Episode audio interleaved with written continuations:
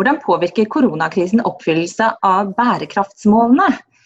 Det er spørsmålet som vi skal prøve å finne svar på i denne utgaven av Pandemipodden fra Senter for utvikling og miljø ved Universitetet i Oslo.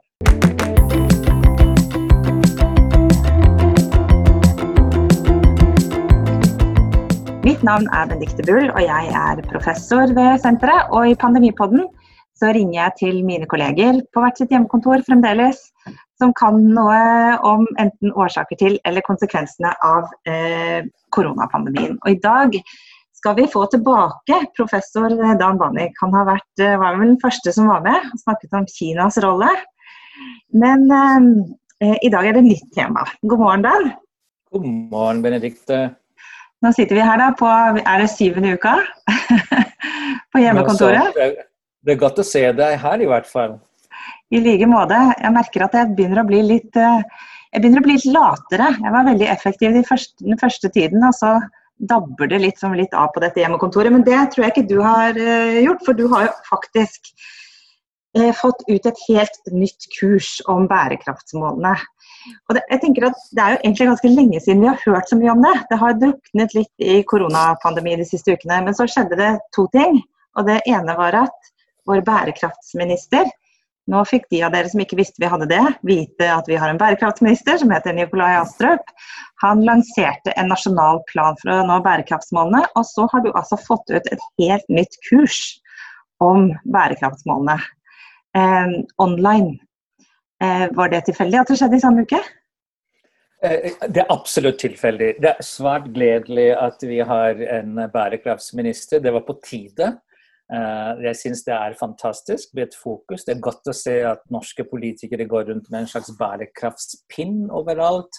Selv om veldig mange lurer på hva dette egentlig betyr. Så jeg syns det er på tide at Norge og norske politikere, nordmenn generelt, snakker om disse bærekraftsmålene. Det har vært altfor lite fokus. Så Det er bare ti år igjen, og det er litt rart at uh, det har vært så lite fokus, gitt at vår statsminister er uh, en veldig viktig pådriver. Hun leder en gruppe eller hun sitter i en internasjonal gruppe i FN nettopp for å promotere bærekraftsmål.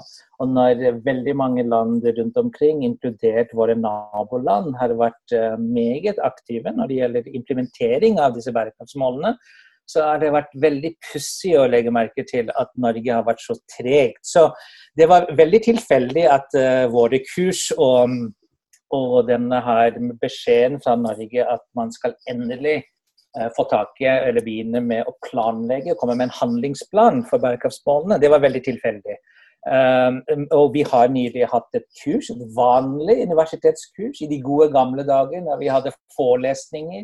Vi traff eh, studenter ansikt til ansikt. Vi kunne faktisk um, snakke sammen i pausene. Dette var så, så sent som uh, januar i år. Vi hadde et vanlig kurs som jeg liksom tenkte da allerede det hadde vært veldig gøy å gi en slags online-utgave. Og gjøre det tilgjengelig ikke bare for de 20 som deltok, men for flere. Så, eh, så jeg er veldig veldig glad for at eh, disse to beskjedene kom samtidig, da, selv om det var tilfeldig. Men du, altså fordi Det er nok ganske mange som har sett denne her pinnen som politikerne går rundt med.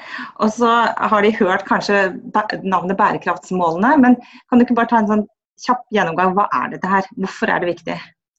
Så I veldig mange år så har verdenssamfunnet vært opptatt av uh, såkalte målsetting. At man skulle ha noen symbolske, noen reelle mål som vi alle skal jobbe for å oppnå. Uh, inntil 2015 var det snakk om tusenårsmål. og Det var åtte spesifikke mål, men det var mer målrettet mot utviklingsland, lavinntektsland. Um, det var mye mer fokus på utviklingsspørsmål, fattigdomsreduksjon, helse, ernæring osv. Det var litt fokus på miljø, men ikke så mye. Siden 2016, 1.1.2016 har vi da um, jobbet for, eller hele verden snakker om, disse 17 bærekraftsmål. I motsetning til tusenårsmålene så gjelder dette ikke bare for fattige land, det gjelder for også Norge. Det gjelder eh, både utvikling og miljørelaterte ambisjoner. Det er snakk om et mye mer ambisiøs uh, utviklingsagenda for hele verden. som også inkluderer privatsektoraktører. Det inkluderer faktisk nesten alle. Så um, jeg, jeg syns det var på tide at nordmenn også ble litt sånn kjent med disse bærekraftsmålene. Så det at politikere går rundt med disse pinnene, er, er kjempebra, men jeg tror veldig mange fortsatt lurer på, eller kanskje noen er litt redd for å spørre hva disse egentlig betyr. Jeg kan bare si én ting, Benedikte. Mine barn, i hvert fall på skole, på den norske skolen, har vært helt fantastisk. For det har vært mye snakk om disse bærekraftsmålene. Eh, og jeg tror begge våre barn eh, vet bedre eh, hva disse målene betyr, enn kanskje eldre folk i Norge. Det skal jeg også sjekke med mine. Men um hvorfor trenger vi en nasjonal handlingsplan for dette her? Og hvorfor kommer det så sent? Altså, dette her er jo flere år siden man, man eh, ble enige om. Vet du hva? Det, jeg, jeg, forstår ikke at det har tatt så lang tid. Um, vanligvis så kritiserer vi lavinntektsland for å bruke fem år for å virkelig vise eierskap for en ny sånn internasjonal agenda. Det at Norge, som var en aktiv støttespiller for eh, den såkalte 2030-agenda og disse 17 målene, skulle bruke fem år. Og, og jeg leste at uh, denne handlingsplanen blir ikke ferdig før neste år. Da vil det være bare ni år igjen til vi skulle nå disse. Så jeg har ikke noen god forklaring på hvorfor det har tatt Norge så lang tid. Men hvorfor det er et behov, det er veldig klart. Eh, land som Finland, Sverige, Danmark har disse handlingsplanene. Finland var veldig tidlig ute og hadde nøkkelpersoner i regjeringen som skulle da koordinere dette arbeidet. Det er snakk om samstemthetspolitikk, det er snakk om å uh, vurdere hvordan ulike beslutninger i ulike departementer, etater, kan forenes med andre. Eh, hvordan man kan oppnå integrasjon mellom både utvikling, eh, økonomisk vekst og miljøspørsmål. Um, og alt dette krever en slags um, det som kalles for policy coherence, og at Norge på den ene siden uh, har en del aktiviteter som er miljøforurensende, samtidig som vi er aktive med å fremme andre tiltak, som elbiler osv., kan virke litt sånn motstridende. Så det er kanskje på, på tide å se på oljenæringen, se på alle våre utslipp og se på hva vi gjør. Og dermed så er det viktig å ha en slags handlingsplan. Og jeg håper dette blir inkluderende, at alle aktører i norske samfunn, alle de viktige stemmene blir hørt. da.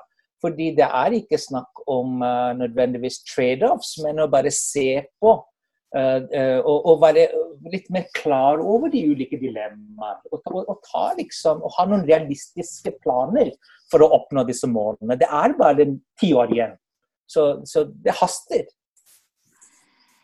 I går så hadde vi besøk av professor Kalle Mone i Pandemipodden. og Han snakket om hvor viktig det er å inkludere bærekraft i tiltakene vi skal sette hjulene i gang i økonomien. Vet du om denne planen er koordinert med koronarespons? Det er et godt spørsmål. Jeg tror på mange måter um, koronakrisen har satt oss tilbake på mange områder. Uh, særlig når det gjelder vekst, uh, arbeid osv. Men uh, på andre måter kan man jo tro at denne krisen vil føre til økt oppmerksomhet på noen mål, som f.eks. helse, som f.eks. å se på sårbarheten til folk til daglige såkalte normale tider. Så uh, i hvilken grad sånne planer uh, om bærekraft har blitt uh, mainstreamed, vet jeg ikke nok om. Det jeg vet, er at det er mye prat rundt bærekraft. Men jeg registrerer at det er mye mindre konkrete operasjonaliseringer av disse planer. Så det har blitt veldig populært, eh, retorisk veldig viktig å snakke om bærekraft. Eh, fordi det er veldig fasjonabelt. Men det er faktisk veldig få som tør å dokumentere hvordan de har operasjonalisert bærekraftig utvikling i praksis. Det gjelder både det offentlige og det private sektoren. Men eh, vi var jo egentlig ganske eh, langt på etterskudd i forhold til planen når det gjaldt å, å, nå disse bærekraftsmålene på det som har med fattigdom å gjøre, sult, mange andre indikatorer. Er det 168 indikatorer eller noe i den retningen? 169. Ja. 169. Ja. Mm. Og nå hagler det jo med veldig deprimerende fremtidsscenarioer om hvordan fattigdommen vil utvikle seg, og hvordan vi kan få se matvaremangel, eh, mange andre temaer. Hvordan tenker du at pandemien vil påvirke oppfyllelse av de målene? Dessverre så tror jeg um, vårt fokus nå er um, å få tilbake, eller situasjonen tilbake til det normale. Uh, jeg tror uh, det vil kanskje på den positive siden være mer oppmerksomhet rundt bærekraftsmålene, miljø- og klimaspørsmål i våre deler av verden. Eh, det vil kanskje være mer fokus på å se på forbruksmønstre. Det vil være kanskje fokus på eh, annen type bistand, eh, mer langsiktig fokus. Alt det der. Jeg frykter at når det gjelder lavinntektsland, som allerede fra før slet med manglende finansiering for bærekraftsmålene, de slet med manglende bevisstgjøring blant beslutningstakere, det var snakk om at de ikke kunne få til verken utvikling eller miljø. At det blir verre. Eh, jeg håper eh, på det beste. Det vi kan forvente, at det blir økt eh, fokus på bærekraftsmål 3, f.eks. På, på helse. Kanskje det blir mer fokus på bærekraftsmål 4, på utdanning osv. Men jeg tror til syvende og sist vil veldig mange land si at de må få omstarte sin økonomi Eh, eh, skaffe vekst, eh, sørge for at folk har inntekt før de kan snakke om disse målene. Så jeg, jeg frykter da at jeg er engstelig for at vi skal snakke om bærekraft som en slags ressurs i, i, i, fremtiden. At det blir ikke prioritert, kanskje. Det, det, tok jo fem år før veldig mange land faktisk kom om bord. Det var land som India og Kina som har snakket varmt om disse målene. Men jeg tror til og med i disse landene vil fokuset være ensidig på vekst nå de neste årene, og mindre på vekst og miljø. Det er jo som vi har på en måte antydet, det er jo ekstremt komplekst dette her. Det er veldig mange mål, det er mange indikatorer, det er mange veier til ulike målene. og Noen ganger det, må man kanskje gjøre avveininger mellom det. Men eh, hva lærer man i det nye online-kurset ditt? Hva er det vi får høre om der? Det vi satser på er å gi Eh, alle som lurte på hva disse bærekraftsmålene var. En slags intro. Eh, noen sånne helt grunnleggende informasjon om hva det er. Så vi har delt dette kurset i fem deler. Det første er liksom hva er det? Alt som du hadde lyst til å høre om, men du hadde ikke tid før. Som en ambassadør nylig skrev på Twitter. Nå er det på tide å lære om bærekraftsmålene. Fordi det er jo litt sånn pinlig etter fem år å være i ulike diskusjoner om disse målene, og uten å vite hva det egentlig er. Hva, er, hva slags prinsipper eh, legges til grunn. Så Den første delen av kurset handler om litt sånn, hva er det? Hva er den 730 agenda? Hva er disse målene? Hva er, hva er responsen verdt? Som du vet, har det jo vært veldig mange som har vært litt sånn oppgitt over den eh, omfattende agenda. 17 mål, 169 delmål, 240 indikatorer det er så omfattende at folk på en måte syns dette er bare en high school wishlist. Dette er uh, ikke oppnåelig. Mens andre har vært veldig begeistret for å endelig ha en slags uh, plattform for å diskutere både miljø og utvikling. Så I den første delen av kurset snakker vi om litt sånn grunnleggende debatter rundt dette. I andre del av kurset ser vi mer på utviklingen av bærekraftig utvikling-begrepet. Siden um, Brundtland-kommisjonen lanserte dette i 1987, var det en liten sånn Det var økt interesse, og, det, og så etter hvert dalende interesse. Så det ble liksom mindre prat om bærekraftig utvikling. Men siden 2015, da bærekraftsmålene ble vedtatt i september 2015, ble det økt fokus. Så vi, vi snakker litt om det. Og så har vi tre deler som fokuserer både på dette med finansiering, eh, handel eh, og, og gjeldsspørsmål og privatsektor, privat næringslivets rolle. Vi ser litt på K-studiene fra India, Kina, Malawi, Rwanda. Hva har disse landene gjort? Uh, og så har vi Det siste delen handler om politikk. Du har sikkert hørt meg si dette før. Noe av det jeg syns er frustrerende med bærekraftsmålene, er at eh, det er en slags idé om at alle skal gjøre alt. At ingen skal prioritere på en eller annen måte. Skal alt bli finansiert? og uh, bare hvis vi snakker om det, skal ting bli gjort. At man egentlig ikke har tatt nok hensyn til de vanskelige spørsmålene. Hvem skal finansiere? Hva skal man ofre? Skal man uh, iverksette noen mål først? Skal man prioritere uh, visse mål i en bestemt sekvens? Det er de tingene vi tar opp. At vi må tørre å snakke om at kanskje noen ganger det er urealistisk. Eh, kanskje vi skal prioritere nå, istedenfor å late som det ikke finnes disse vanskelige valg.